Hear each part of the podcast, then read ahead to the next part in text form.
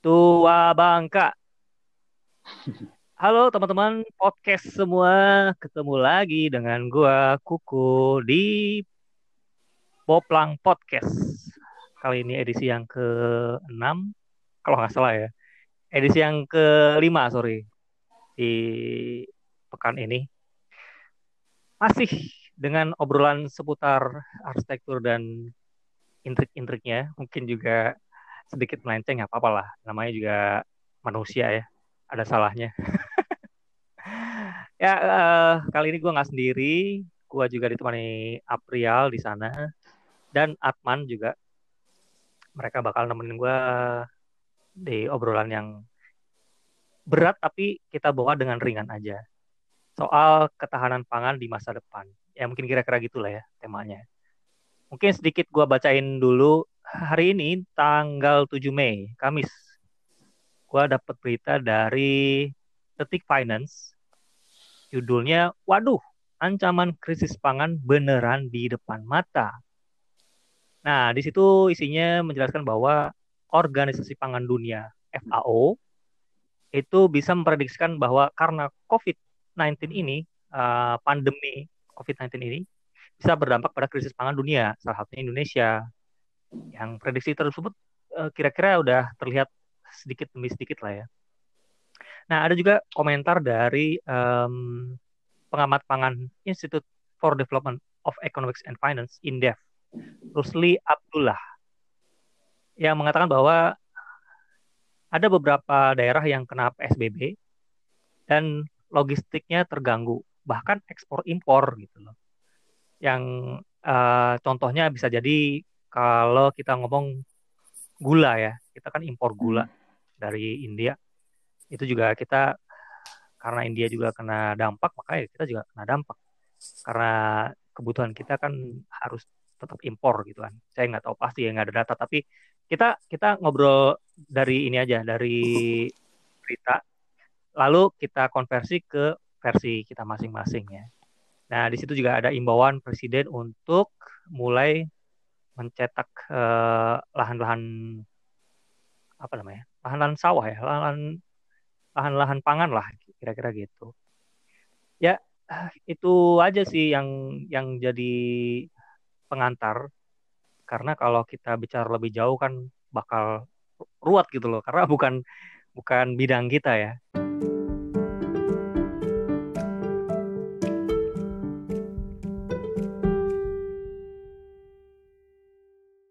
Nah, uh, di sana ada April sama Atman yang mungkin bisa jadi uh, contoh atau gambaran buat teman-teman yang lain juga yang lagi dengerin.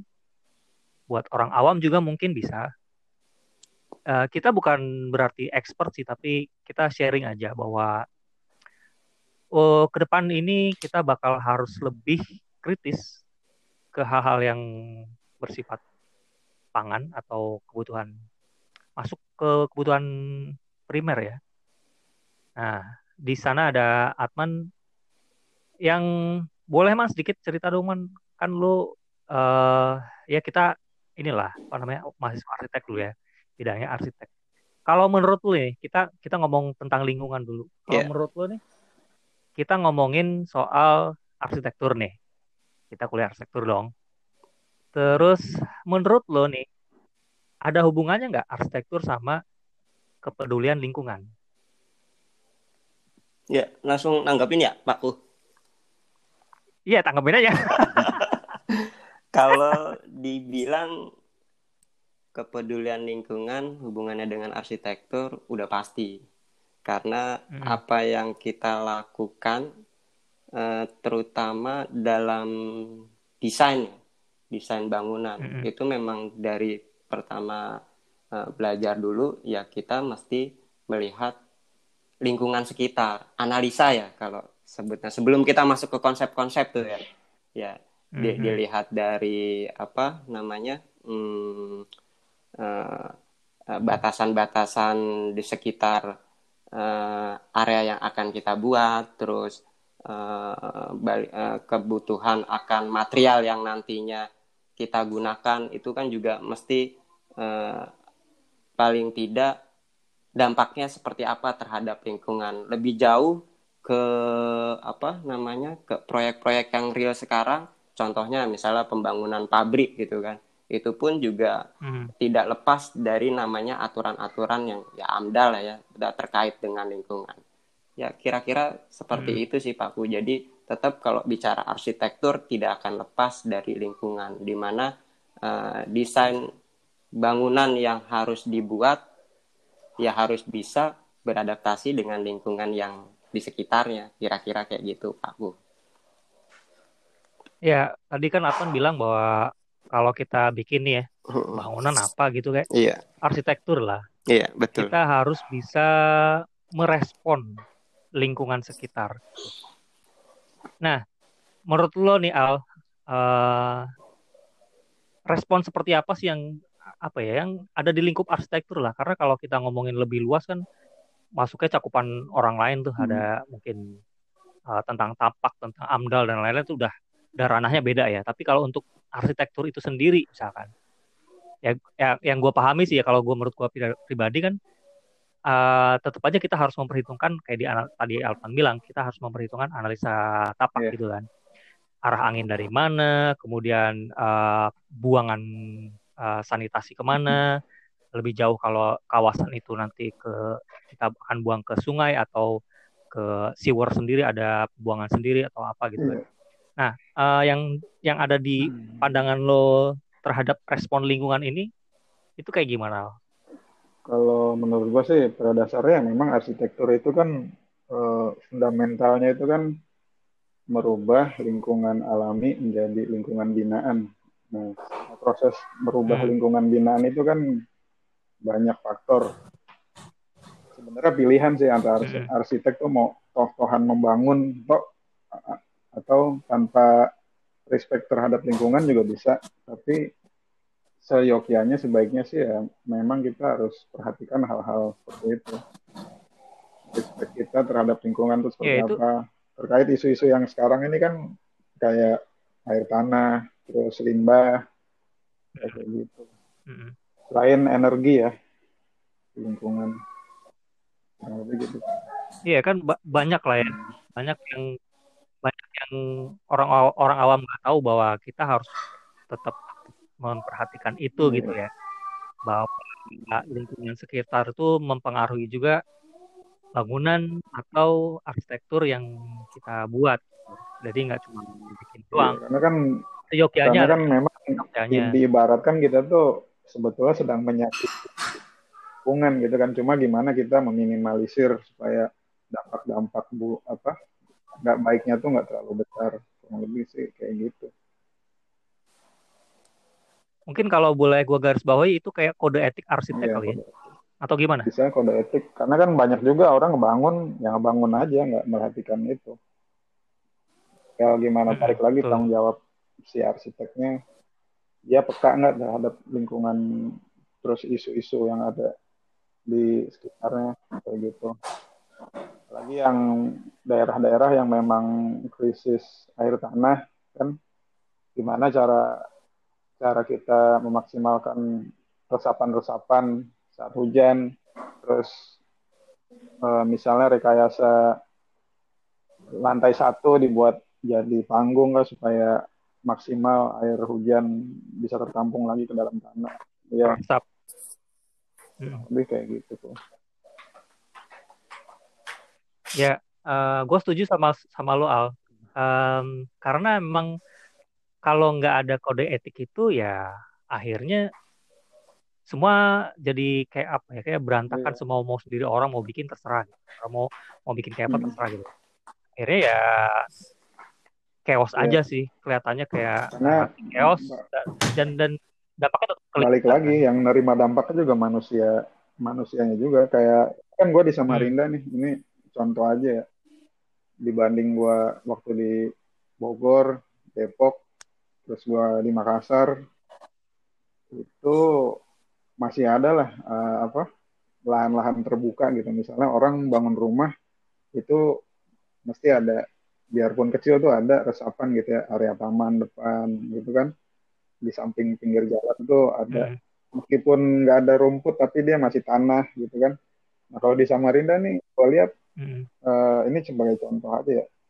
Udah kotanya itu uh, lahan rawa ya jadi air tuh agak susah menyerap terus ditambah kesadaran masyarakatnya juga terhadap masing-masing bangunan tuh tidak menyediakan lahan resapan itu jadi rata-rata tiap ada rumah tuh dipelur tiap ada rumah dipelur jadi air nggak bisa ke mana-mana larinya jadi banjir hmm. udah tidak bisa mereka iya. ditambah yeah. hal-hal kayak gitu jadi ya kurang lebih sama ke Jakarta di sini gue iya ya karena mau nggak mau karena uh, semua orang mulai apa ya melakukan iya. betonisasi gitu kan. Semua di nah. Nah uh, ngomong-ngomong soal betonisasi nih gua ke Atman dulu deh. Man uh, menurut lo nih man yeah. kalau dampak yang paling lo rasain kalau misalkan ya kita ngomong betonisasi yang lo pernah alamin sendiri gitu uh, di tempat tinggal lo atau di lingkungan atau yang lo tahu tentang betonisasi lo lo lo kebayang nggak apa yang pernah lo rasain dengan dampak dari betonisasi ini?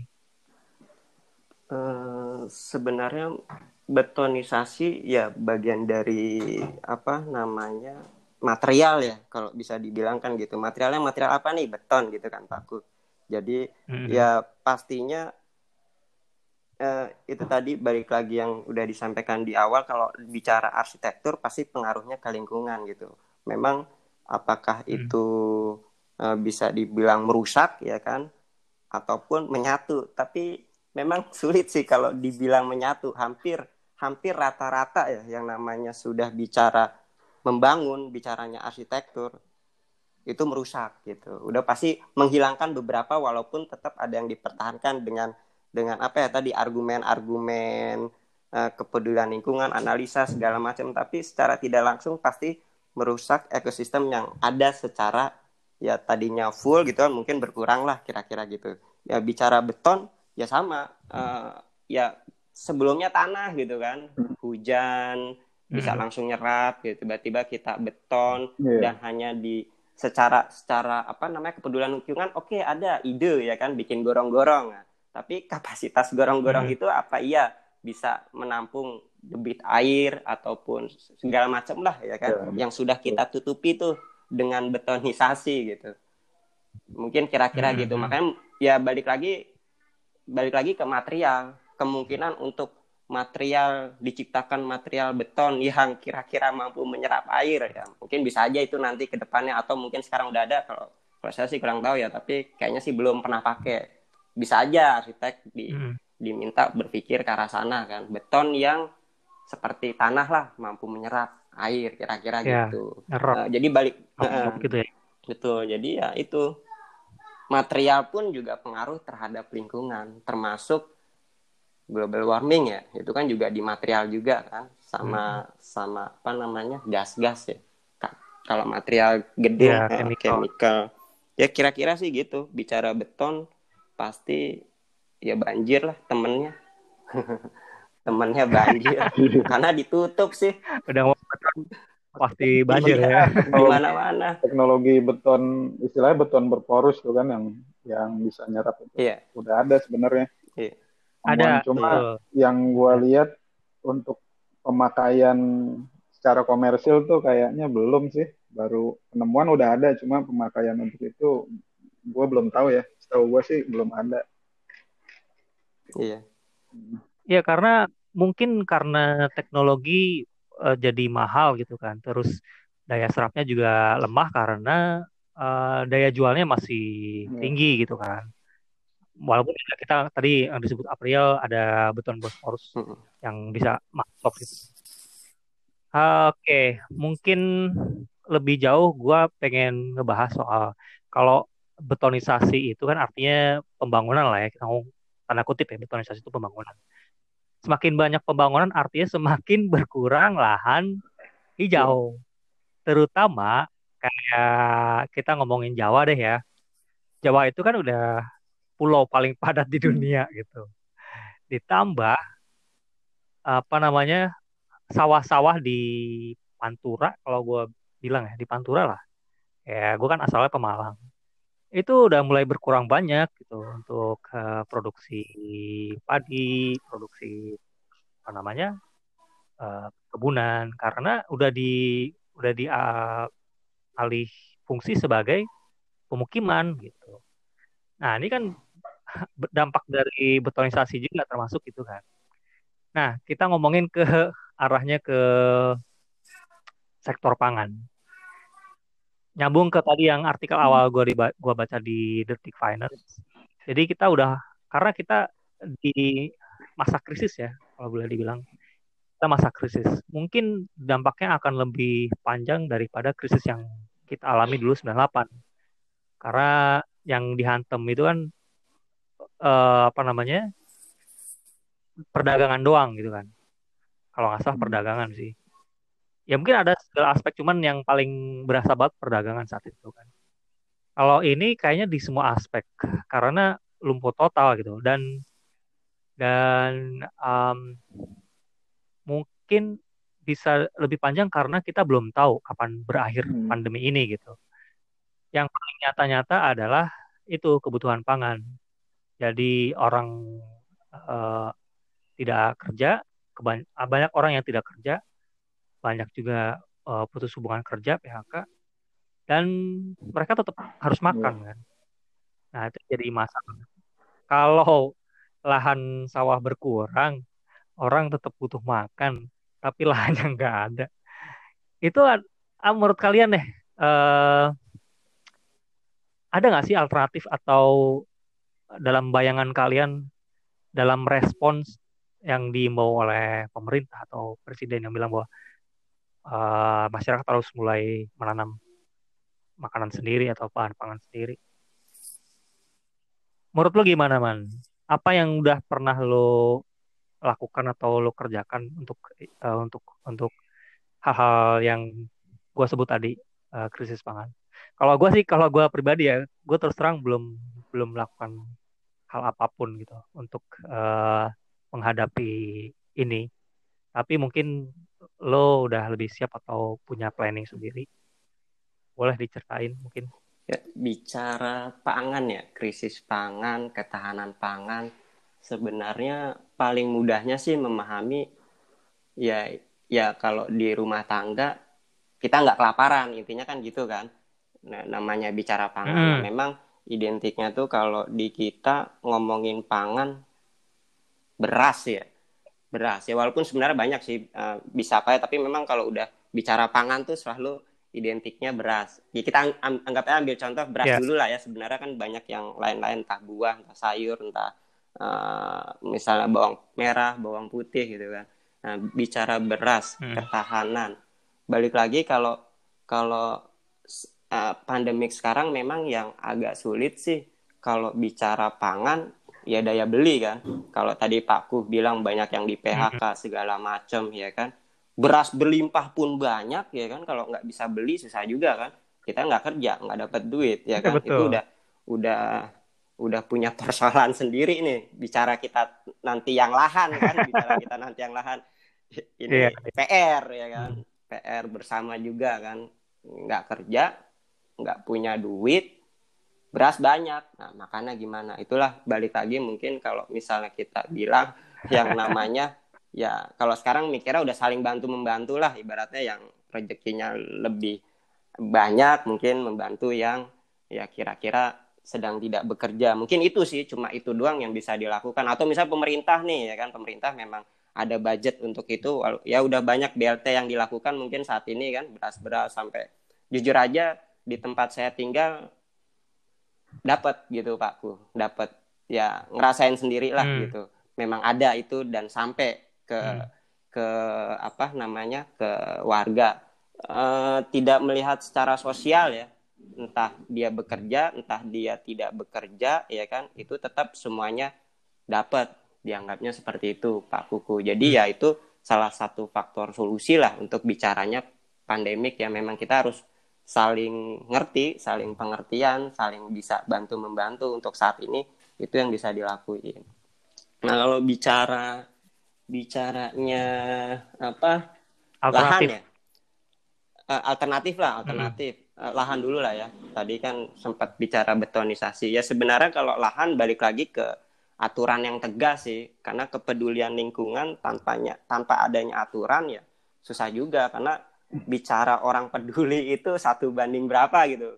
Ya, bicaranya kan untung. Kita udah bicaranya untung. Kalau kalau nyari kerja itu untung bukan ah lingkungan harus begini begitu. Udah. Ya ya kira-kira begitulah. Jadi tetap harus dibarengi dengan adanya aturan-aturan. Makanya kalau misalnya kita ngebangun pasti ada prosesnya tuh ya kan? IMB ya kan? Nah itu juga bagian disetujui atau tidak sama Pemda. Nah Pemda yang mengerti tentang lebih jauh aturan-aturan itu ya itu ya paling tidak bisa diterapin lah gitu. Sehingga beberapa hal yang memang bukan kawasan untuk dibetonisasi ya jangan dilakukan itu. Itu kawasan eh, pertanian. Ya lakukan pertanian jangan dibikin apartemen mall kan repot juga gitu kan.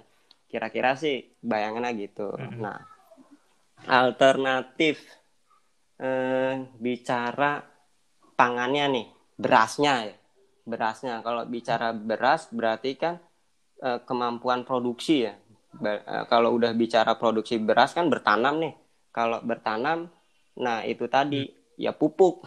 Kalau sekarang memang teknologinya lebih ke arah pupuk kali ya.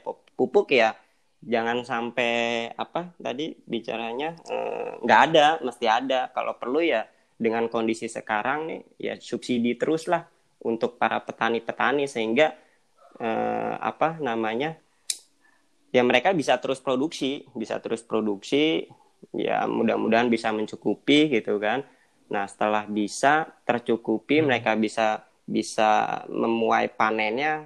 Nah, distribusinya lah ya kan. Nah, itu juga mesti dipikirin kalau tadi bicara ada PSBB, nah itu memang harusnya untuk yang bahan pokok tidak dilarang. Beras bahan pokok. Contohnya jangan dilarang. Jadi PSBB tidak berlaku nih kalau bicaranya adalah untuk pengiriman beras. Kalau itu berlaku ya tadi ya sudah. Berarti sulit untuk didistribusikan. Kalau udah sulit didistribusikan ya nggak nyampe. Nggak nyampe ke uh, apa namanya ya ke masyarakat kira-kira ke, ke yang beli kira-kira kayak hmm. gitu sih Pak Kuku. Itu itu bicara dari uh, berasnya ya eh, pangannya ya contoh yang tadi tadi pangan. Nah, alternatif. Nah bagus tuh yang alternatif kalau misalnya kita udah apa mungkin dirumahkan atau apa ya kan punya halaman. Kalau nggak punya halaman mungkin ada tanah kosong sebelah tetangga atau apa ya. Kalau sekarang kerennya hidroponik ya.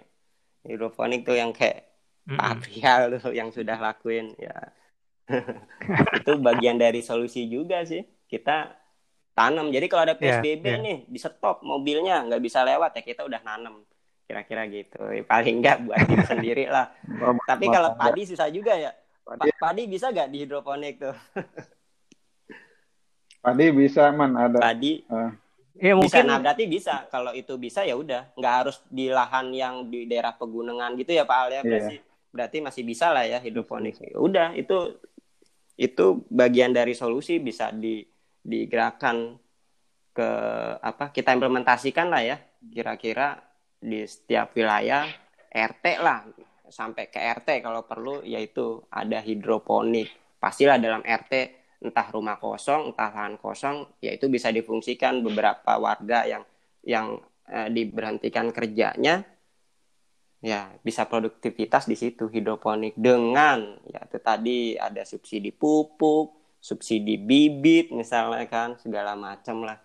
Kira-kira hmm. gitu. Itu untuk ke depan ya karena kan mungkin sekarang masih ada nih stok-stok ya kan? Di Indonesia masih ada lah. Tapi ketika nanti sudah tidak ada kita mesti import kan? Nah balik lagi tadi Pak Kuku bilang yang di India udah di stop tuh karena mereka men menerapkan kebijakan lockdown kan? Kalau udah bicara lockdown nggak mm -hmm. bakalan dia ekspor gitu. Karena udah lockdown kan kalau hmm. PSBB masih boleh.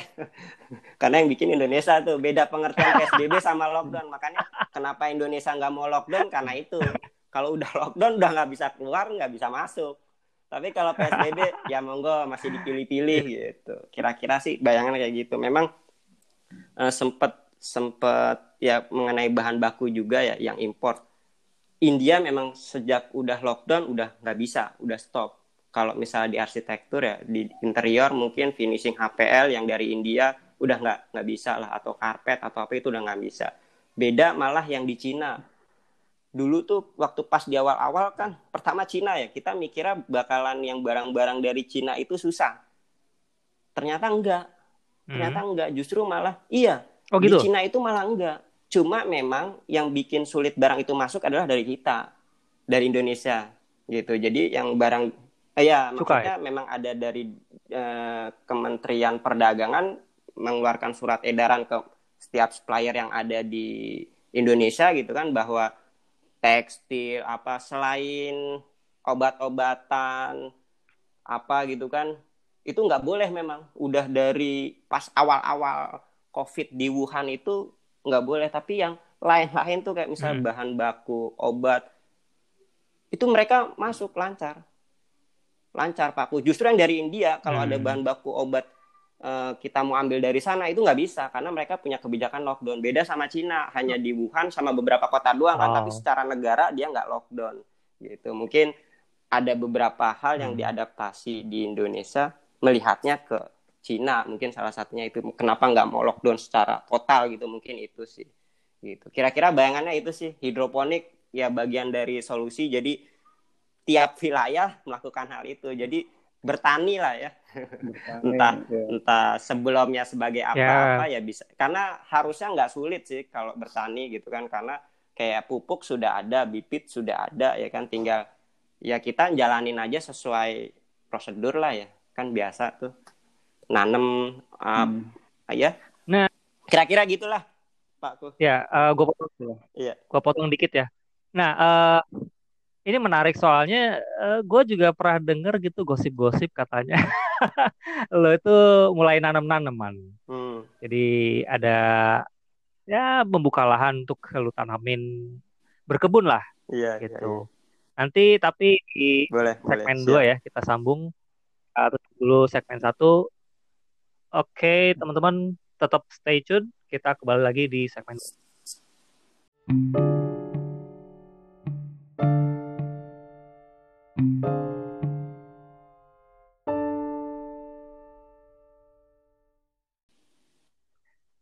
Oke, balik lagi ke segmen 2.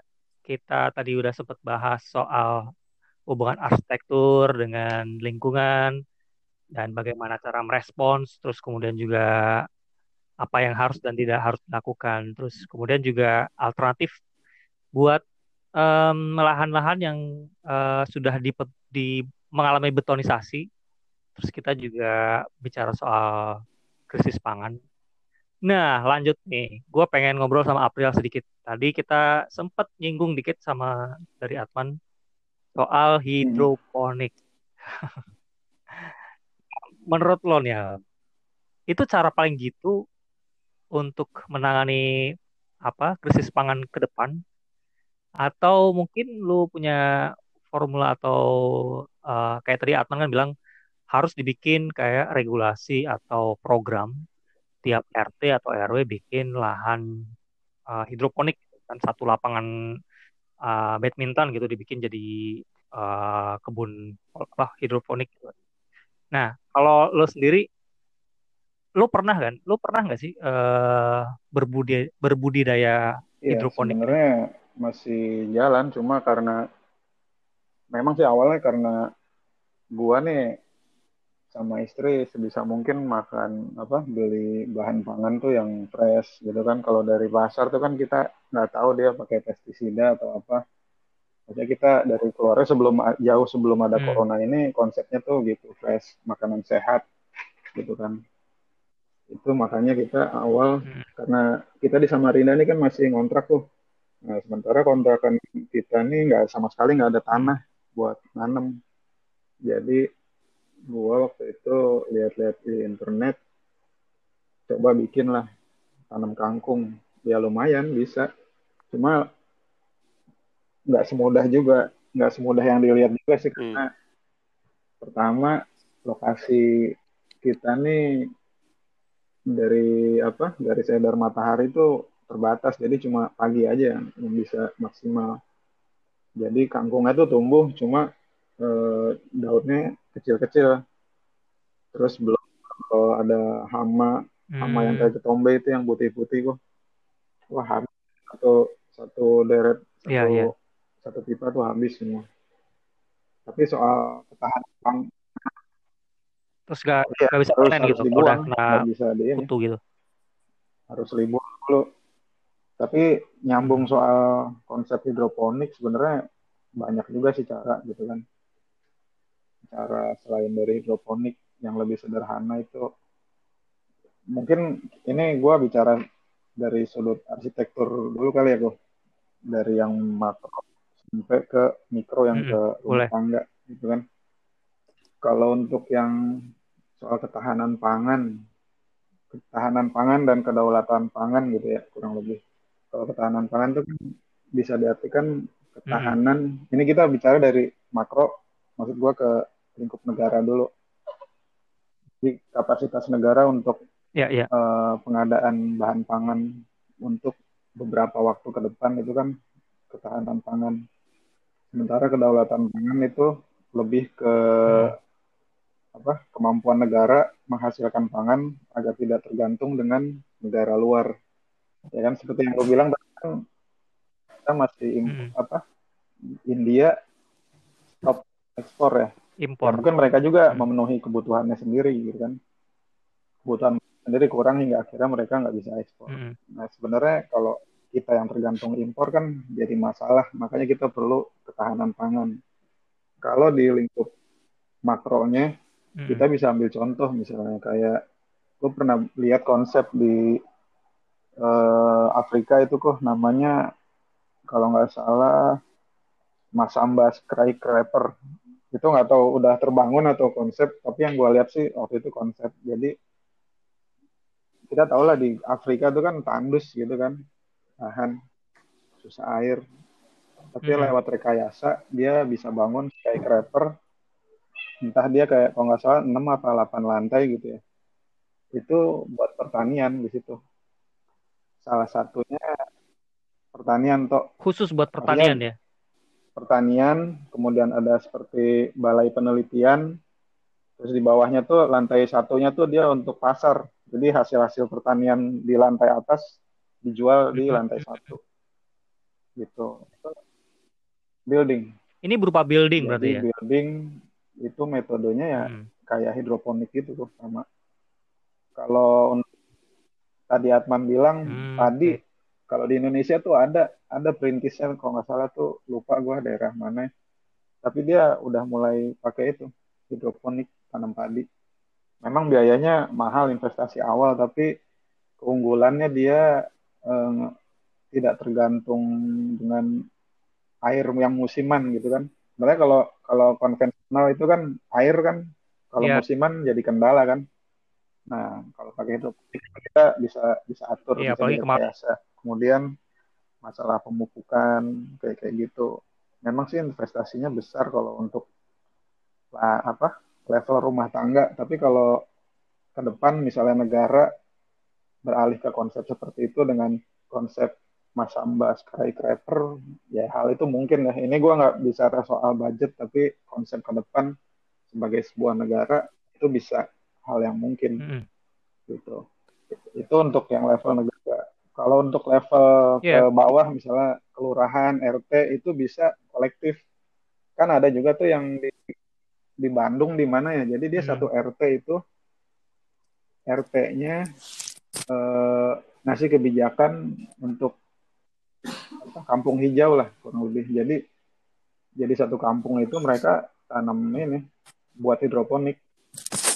Karena kebetulan di satu kampung itu ada Hmm. sungai, Ya. sungainya tuh dibersihkan, dibuat filter dari ujung ke ujung, tengahnya tuh diisi ikan. Jadi mereka ya swasembada satu RT itu. Nah, itu Oh, itu oke. mungkin dilakukan. Nah, sementara untuk yang tingkat rumah tangga nih kayak orang perorangan bisa juga hidroponik. Cuma hidroponik itu memang investasinya agak mahal ya. Gua bikin ukuran semeter semeter itu ini buat sendiri kurang lebih satu jutaan. buat apa?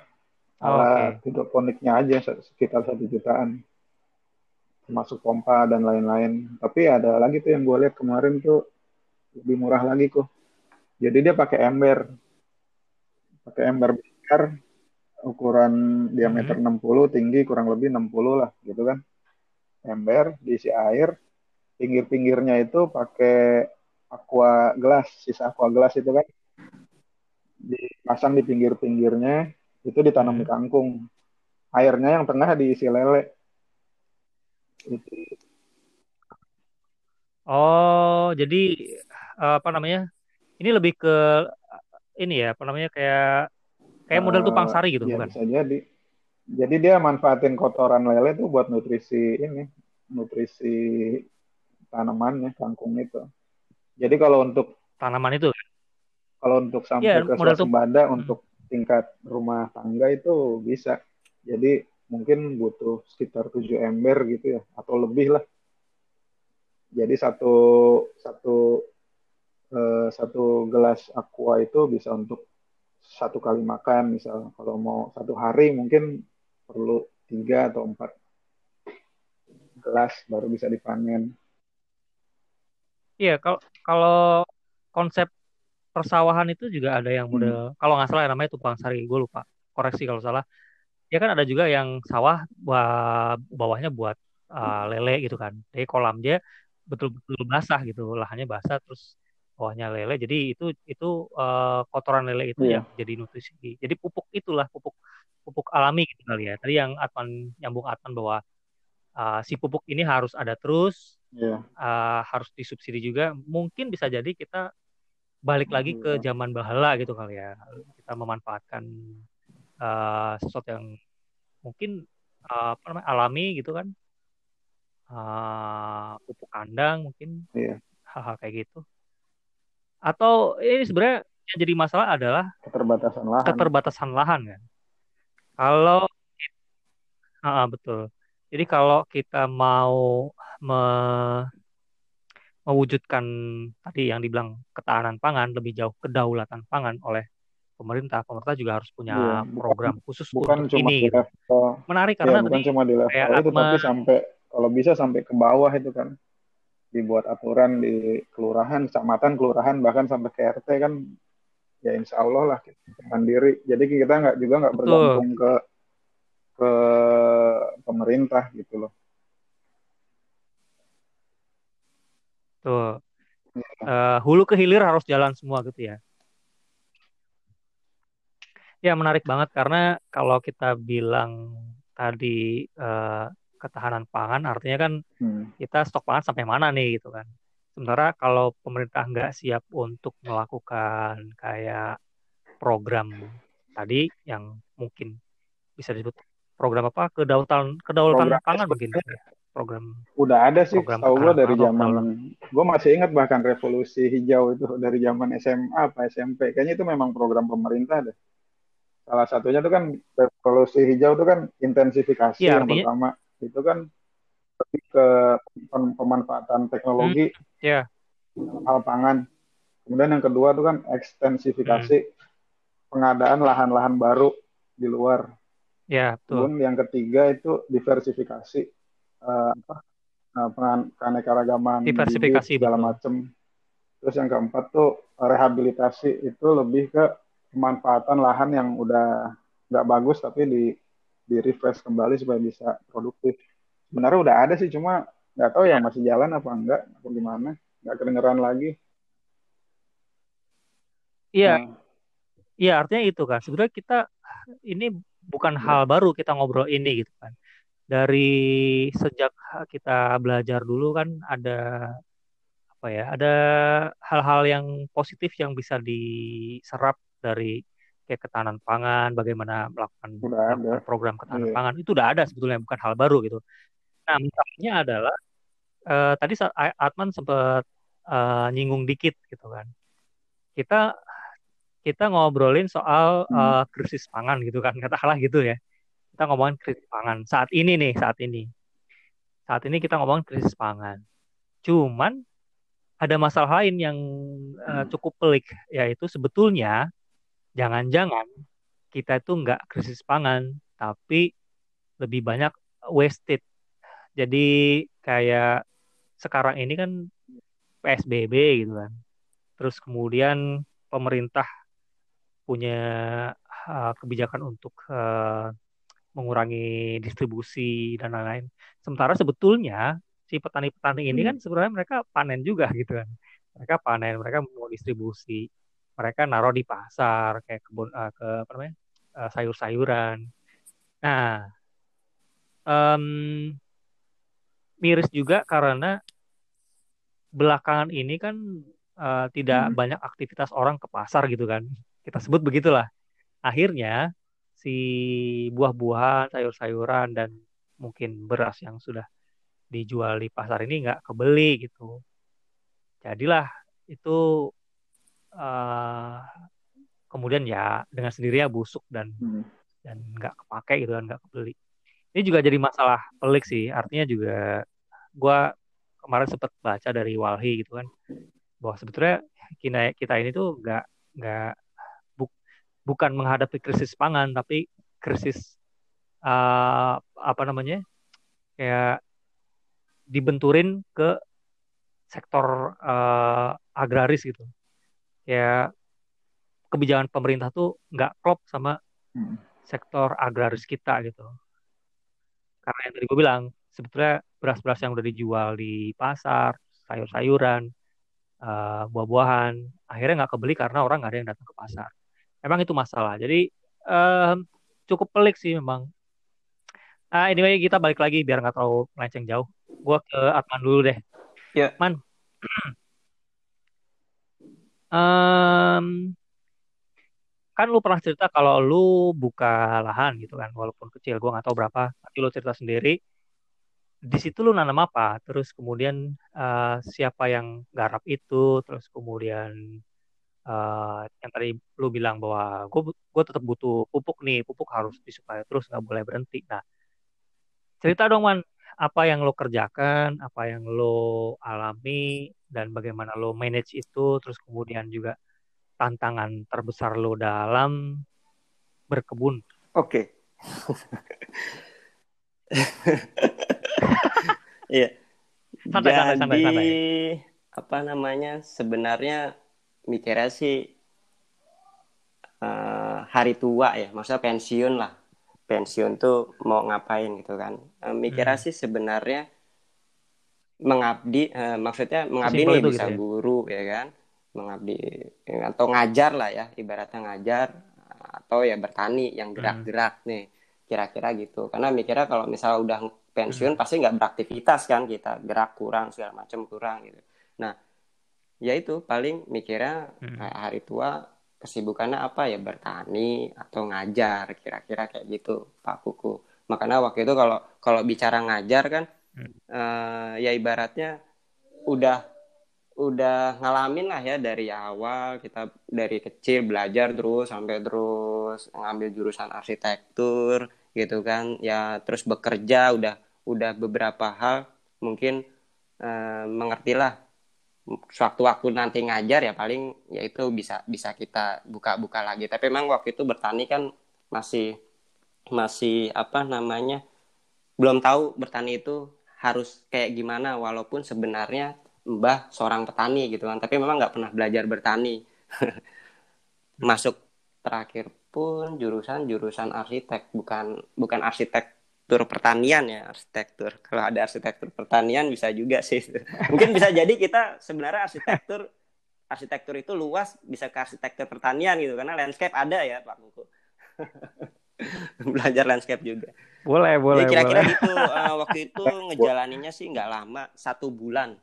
Satu bulan waktu itu. Uh, dan itu spontanitas kan karena memang ah kepikiran mm -hmm. nih kayaknya pas lagi bisa luangin waktu satu bulan itu ke kampung kan buka laptop semua langsung pelajarin secara spontan gitu kan. Lahan ada memang pas waktu itu eh, saat-saatnya mau musim untuk menanam gitu. Bukan manen ya udah waktunya menanam nih. Ya udah akhirnya ada Pak Le berdua waktu itu nggarap mulai dari ya paling banyak belajar di dari Pak Le sih sama sama apa namanya Mbah Google tuh nyari-nyari segala macam gitu kan. Jadi dari mulai kita pengolahan lahan, nyangkul hmm. segala macam gitu kan, terus nyari-nyari pupuk sampai uh, apa pupuk itu kan banyak kan ada kompos, ada ZA, ada segala macam gitu kan. Waktu itu memang pas lagi musimnya nanya Pak Le itu cocok yeah. nih kalau cabe gitu. Makanya waktu itu uh, belajar cuma cabe sih. Jadi coba buka pupuknya apa aja, siapin, beli gitu kan segala macam sampai uh, sorry komposisi komposisi pupuknya itu ya kita nyampur sendiri karena karena secara teori itu udah banyak lah. Hmm. di Mbah Google itu udah banyak. Ke sebenarnya untuk uh, sekian uh, lahan berapa meter gitu perlu berapa sih pupuknya itu ada semua. Kita tinggal racik kalau misalnya semeter sekian dua meter tambahin lagi kan tiga meter hanya gitu aja sih. Jadi kita memang racik bener-bener ngeracik sendiri. Komposisi kalau nggak salah ada empat atau lima pupuk waktu itu. Nah itu ada pas proses pemupukan itu ada suatu kejadian yang lucu tuh. Jadi kebetulan kan tetangga-tetangga itu petani juga nih Pak Kukuh ya kan. Mereka datang gitu kan wah ini putune Mbah Marto Arab nandur jarane hmm. wes enak-enak nyambut gawe nong Jakarta malah nandur. Wah pada ketawa itu. Maksudnya hal sesuatu hal yang aneh lah gitu. Terlebih-lebih dia lihat prosesnya gitu. Baru pupuk aja tuh udah kayak hmm. begitu gitu kan. Mereka tuh ngetawain. Hmm. ngetawain. Jadi uh, di situ nangkep nih bahwasanya ternyata uh, pembelajarannya kita beda gitu Saya, uh, Mbah Google ya mungkin Mbah Google uh, banyak dari kalangan akademisi juga kan yang ngasih teori-teori itu sama pengalaman-pengalaman si petani-petani di lingkungan sekitar Pakku. Jadi itu diketawain. Heeh, diketawain walah ya, itu yang ntar udah mati tanamannya udah ditandur gitu. Udah itu pokoknya komentar-komentarnya ya yang bikin ngedon segala macam ada aja gitu. Nah, ini Tapi ya udah jadi bahan gibah. ya, ya maksudnya kurang lebih ternyata memang apa di situ yang mau saya infoin ya, yang mau gue infoin itu ternyata bisa jadi ya kan eh, pemahaman petani kita nih Indonesia ya kan sebenarnya hmm. secara standarisasi kurang karena oh, karena di hasil saya bisa buktikan itu Pakku Ah. Dari daunnya yang bagus, batangnya keren, hasil buahnya besar ah, okay. ya kan. Itu berbeda. Hmm. Padahal sama-sama cabai nih, lihat kiri kanan itu beda, Pakku. Itu udah ngomongin hasil ya. Jadi di situ ngambil kesimpulan sepertinya ada sesuatu hal yang standarisasi hmm. nih sebenarnya kalau nanam cabai yang udah uh, para insinyur-insinyur arsitektur pertanian ini bikin gitu kan, olah ramu segala macam gitu kan ya mungkin nggak nyampe ke mereka. Mereka mereka mungkin pengalaman turun temurun ya jatuhnya ya. Ilmu yang secara turun temurun mereka ngelakuin hal itu gitu.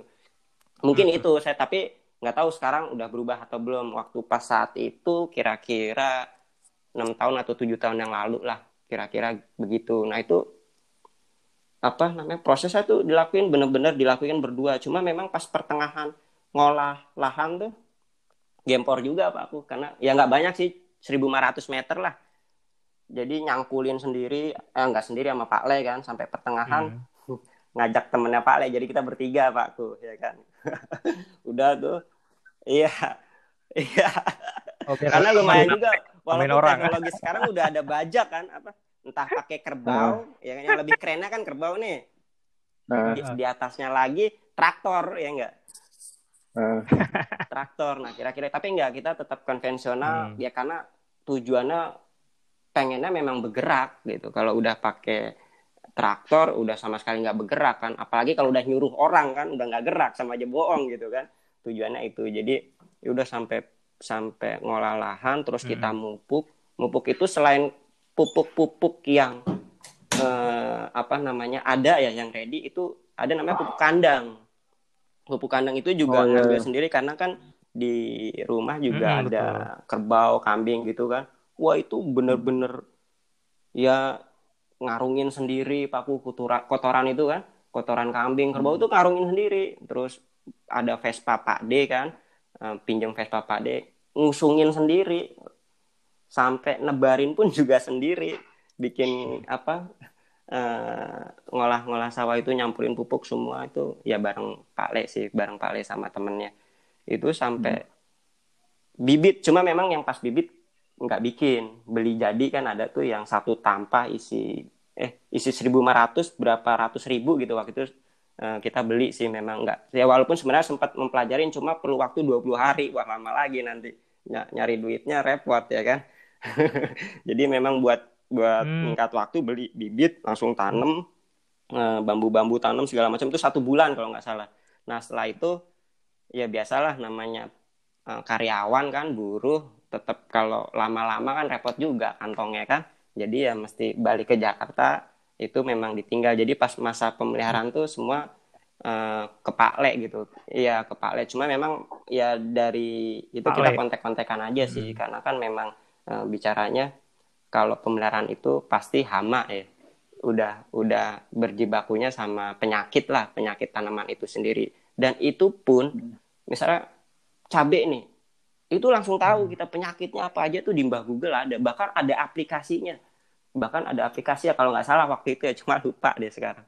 Kita ketik nih iya daunnya kuning oh kena kena hama ini obatnya oh, gitu ya? ini ini itu ada. Itu udah ada sebenarnya gitu jadi uh, itu hmm. juga dipelajarin sama satu lagi uh, tiap hari itu ngasih semprotan disinfektan bukan disinfektan apalah ibaratnya tuh yang hmm ya kira-kira kalau misalnya hari kesekian sampai sekian dikasih ini tiap sore nah itu ada terus itu kita lakuin Pak Ku jadi uh, hama itu nggak banyak menyerang walaupun ada gitu kan tapi karena kita hmm. udah melakukan pencegahan duluan dengan teori eh, teori-teori yang ada gitu ya itu berkurang sih maksudnya nggak banyak gitu loh ada ada tapi nggak banyak sampai tiga bulan panen lah kira-kira kayak gitu ya lumayan hasilnya hmm. hmm, balik lagi tadi kalau lihat yang sebelah-sebelah kan petani lain hasilnya ya berbeda memang Pak Ku. Dari mulai tumbuh tumbuh aja nih ya baru setinggi berapa hmm. senti gitu kan itu udah kelihatan batangnya daunnya sampai tinggi tinggi sampai akhirnya udah tiga bulan ke buah itu berbeda berbeda Bedanya signifikan emang ya? Signifikan banget gitu. Hmm. walaupun di awal diketahui ternyata oh gitu loh. Ya mungkin mereka juga nggak salah ngetawain karena menganggap bahwasanya ini mubazir ya kan?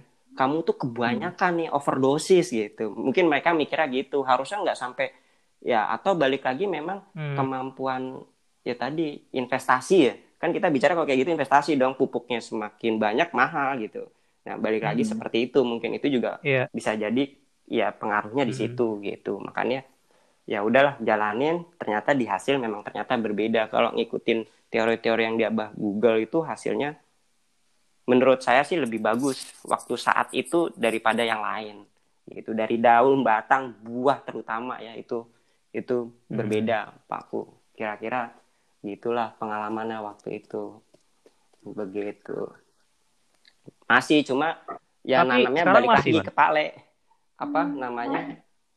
Eh yang ngikutin musiman aja sih cuma saya nggak nggak ya udah waktu itu kan cuma pengen belajar doang kan. Nah kalau sekarang udah pale aja ngolah saya nggak nggak waktunya apa aku? Hmm. kalau kayak gitu kan waktu ya pasti apa namanya? Nggak artinya itu punya, lahan punya, punya lo atau ya, punya keluarga atau lo invest di situ atau gimana? Hmm. Iya iya ah iya berarti kan iya, milik keluarga betul. lah ya gitu artinya itu investasi lo dan keluarga gitu. Berarti iya, kira-kira emang, gitu. itu bagian kira -kira dari gitu. rencana masa depan lo gitu kan, tadi yang seperti lo, bilang. Oke, menarik banget sih. Gue tertarik banget uh, menggali lebih jauh. Tapi gue pengen ke April dulu ya.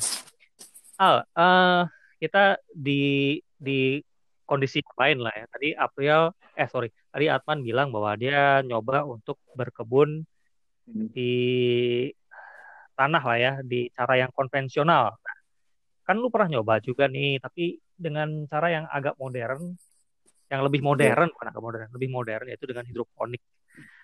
Ah, tadi lu cerita bahwa satu kali satu meter aja lu habiskan yeah. modal satu plus minus satu juta lah ya. Nah, yang lo pernah kerjakan itu berapa meter, terus kemudian kendala-kendala hmm. yang lo hadapi selain yang tadi lo ceritain ya, mungkin ada kendala khusus yang yang, yang membedakan. Kalau tadi Atman kan bilang bahwa dia dia pakai cara konven eh, dia berkebun konvensional tapi dengan cara yang lebih modern gitu kan. Sementara tetangga-tetangganya itu pakai cara yang yeah. konvensional, lebih konvensional lagi karena apalan kan.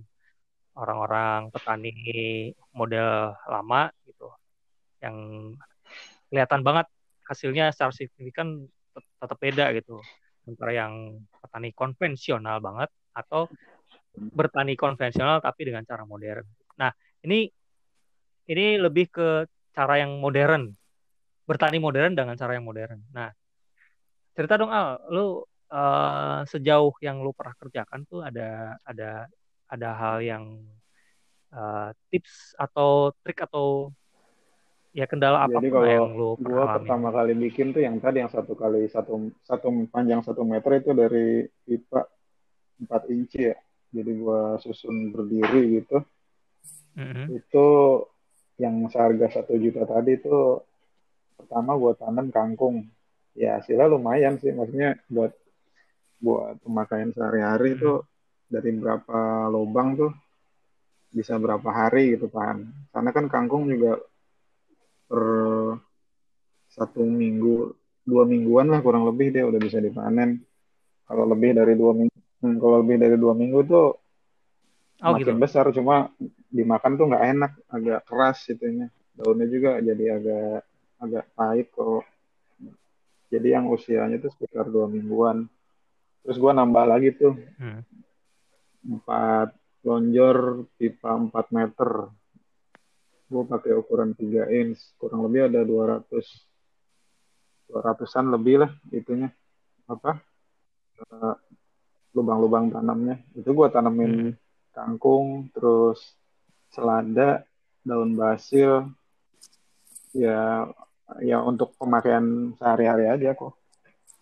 Terus kendalanya itu sekarang ini sementara gue berhenti gue berhentiin dulu karena masalah hama itu kan parah banget pokoknya hama tuh kalau udah kena iya. yang ombe itu mm-hmm. ya udah harus dibuang karena kalau nggak dibuang tuh ini nular kayak hmm.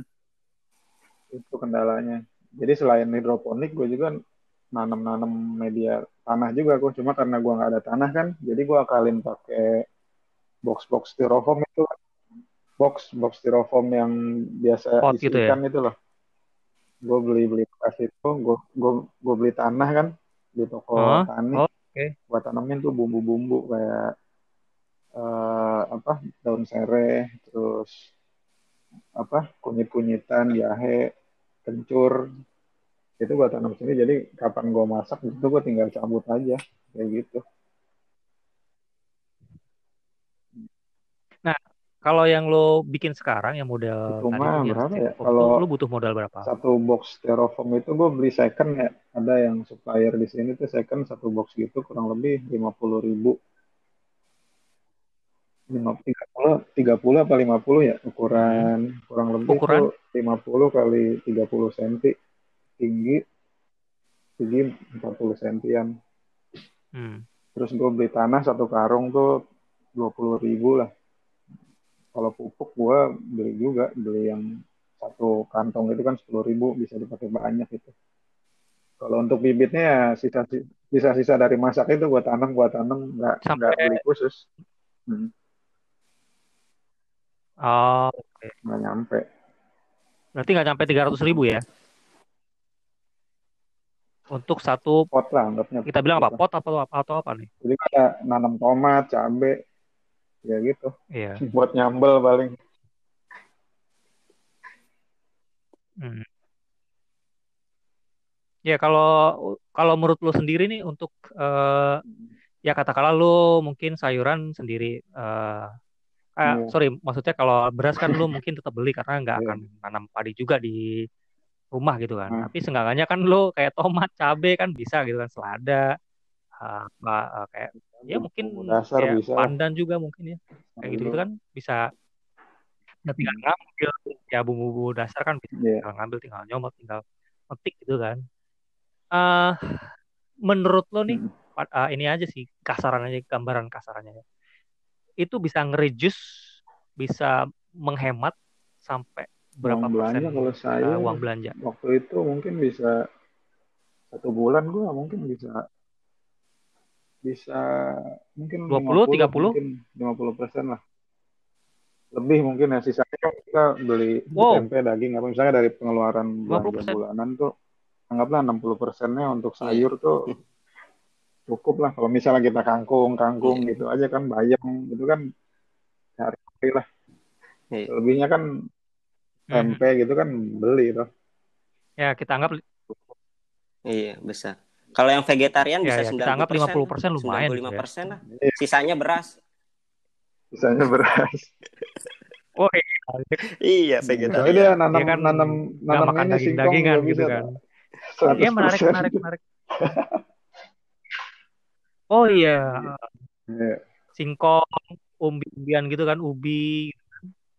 Iya, satu hal lagi sih sebenarnya ini di kepala gue itu selalu bertanya-tanya, kenapa sih kita harus makan beras semua seluruh Indonesia? Padahal kalau kita inget dulu ya kayak di uh, Gunung Kidul dulu makanya uh, tiwul, gaplek gitu kan, singkong. Terus kemudian juga yang gue inget dan gue rasain di Kalimantan itu kan daerah Payau gitu, susah nanam padi. Mereka juga makannya singkong-singkongan gitu kan. Ada juga makannya ubi, kalau di daerah timur sana jauh di Papua, Nusa Tenggara juga makannya sagu gitu kan. Maksud, maksud gue uh, ini jadi beban pemerintah juga kalau kita terlalu mengandalkan apa namanya harus uh, makan beras harus makan sorry harus makan nasi seluruh Indonesia gitu kan. Ujung-ujungnya apa? Akhirnya impor juga gitu kan. Kenapa nggak kita balik lagi ke entitas lokal mungkin uh, masyarakat Papua biarlah makan dengan sagu. Apakah mereka harus hmm. makan nasi juga? Kan nggak nggak harus begitu. Maksud maksud maksud gue begitu gitu loh. Biarkan aja yang yang makan sagu makan sagu. Yeah. atau yang makan uh, umbi-umbian gitu. Makan singkong makan uh, ya artinya gue khawatir ini nggak uh, apa namanya polemik ini nggak cuma sekedar uh, ketahanan pangan dan kedaulatan pangan juga. Gue khawatir juga ada sedikit apa ya kayak mm, politik lah atau mafia pangan. Karena bagaimanapun orang-orang yang mendatangkan hmm. beras dari luar negeri gitu kan. Terus kemudian impor-impor gula dan lain-lain. Ya kira-kira gitulah pandangan gue kayak gitu sih. Tapi balik lagi biar kita nggak terlalu jauh uh, gue sangat salut dan sangat respect dengan orang-orang yang sudah mulai berkebun atau menggunakan hidroponik sebagai alternatif ya kayak kalian-kalian ini gitu. Uh, alangkah alangkah bahagianya mungkin ya menurut gue sih alangkah bahagianya kalau tiap kelurahan tadi yang disebut Atan lo juga April udah nyebut bahwa kalau uh, ini secara apa ya secara sistematis digalakkan oleh pemerintah baik dari tingkat kota kemudian kecamatan terus ke kelurahan desa dan mungkin RT RW gitu kan mungkin kita bisa banyak keluarga. berhemat kali ya iya. untuk pengeluaran karena yang tadi gue bilang untuk rumah sendiri aja betul kita kita ngomongin kalau tadi kan lu ngomong tentang hal hmm. yang uh, makro ke mikro kan nah kita hulu ke hilirnya kita ketemu nih kalau kita tadi bicara kita bisa nanam sendiri misalkan entah itu sayuran atau buah-buahan atau apa gitu kan. Sayuran lah kita bicara sayuran walaupun beras atau nasi tetap masih beli misalkan atau tempe atau daging. Senggangannya kalau tadi lu bilang setiap keluarga atau setiap rumah bisa menghemat uh, pengeluaran 50% kebutuhan belanjanya untuk sayuran, artinya kan itu bisa misalkan gitu. Di skala rumah 50%. Kalau di skala RT bisa memenuhi bisa.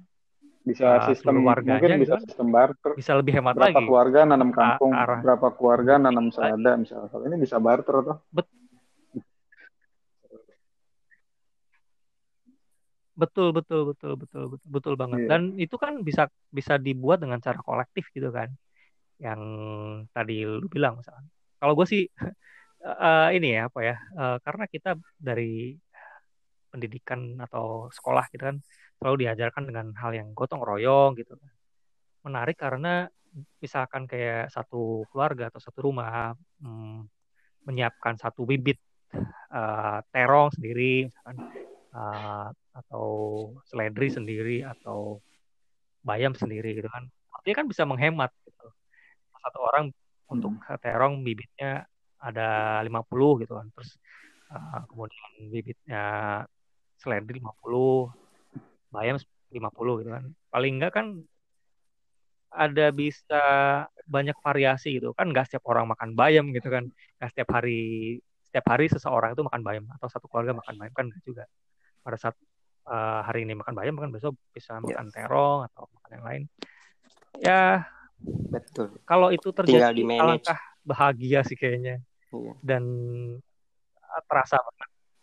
Mm -mm, terasa banget hal yang kita maksudnya gini kita kayak ada bikin fusion gitu loh. Uh, kita kita berkebun dengan cara modern tapi teknik berkebunnya bukan teknik berkebun kali maksudnya ini um, mungkin sih lebih cara uh, ber bukan cara berkebun. Modalnya modalnya dari gotong royong atau hmm. tata cara atau apa gitu. Mungkin lebih ke semangatnya gotong royong. Mungkin semangatnya gotong royong tapi yeah.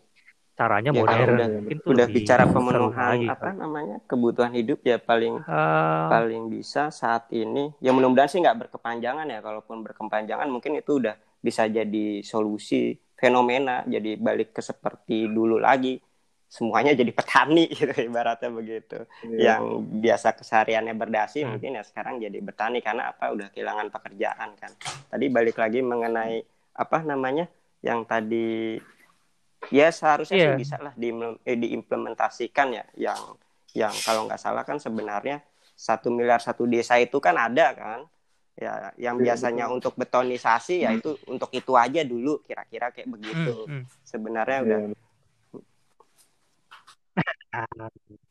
ini ya betul. ya politiknya diarahin ke sini arahnya ke sini nih. Ya. Betul betul betul. Setuju setuju setuju banget setuju banget. Oke lah. Uh, seru banget ngobrol kali ini dan hmm, membuka wawasan juga mungkin buat orang-orang yang awam atau teman arsitek. Pertanian. Atau praktisi arsitek arsitek yang lain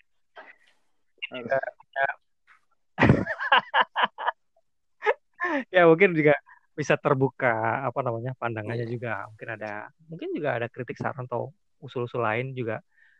Kita sangat mengharapkan itu bahwa sebenarnya kita punya keresahan kan bahwa kita dalam kondisi krisis ini kita juga harus punya alternatif um, kegiatan yang harus dilakukan mungkin ya. Selagi work from home mungkin bisa juga bertani gitu kan. Bercocok tanam dengan cara hidroponik atau dengan pot tadi yang Abdel bilang. Wah, luar biasa. bisa menghemat 50% persen dari Ntar yang 50 persennya lagi tinggal ini ya. Biar ya, ya. kan kan jadi lebih uh, meringankan pemerintah. Syukur-syukur semuanya vegetarian, 10% doang berarti kalau pemerintah. sebulan kuat makan kangkung aja. Enggak, maksudnya tadi di, di, di manage Pak Al kayak yang dibilang Pak iya. Kuku, nanamnya beda-beda. Iya. Barter. Iya. Ya, betul. Barter juga tadi April bilang barter juga.